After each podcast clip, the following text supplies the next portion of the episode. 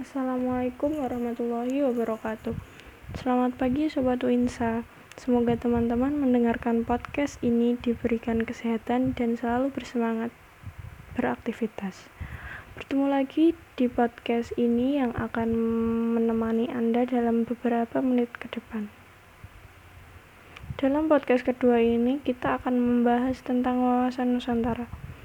Berbicara mengenai wawasan Nusantara, Wawasan Nusantara merupakan cara pandang terhadap bangsa dengan tujuan menjaga persatuan dan kesatuan yang diwujudkan dengan mengutamakan kepentingan nasional dibanding kepentingan pribadi.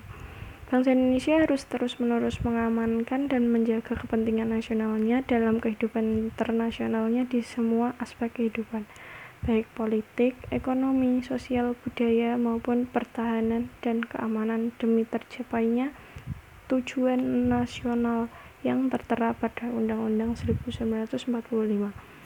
Tujuan wawasan Nusantara adalah mewujudkan nasionalisme yang tinggi di segala aspek kehidupan rakyat yang lebih mengutamakan kepentingan nasional.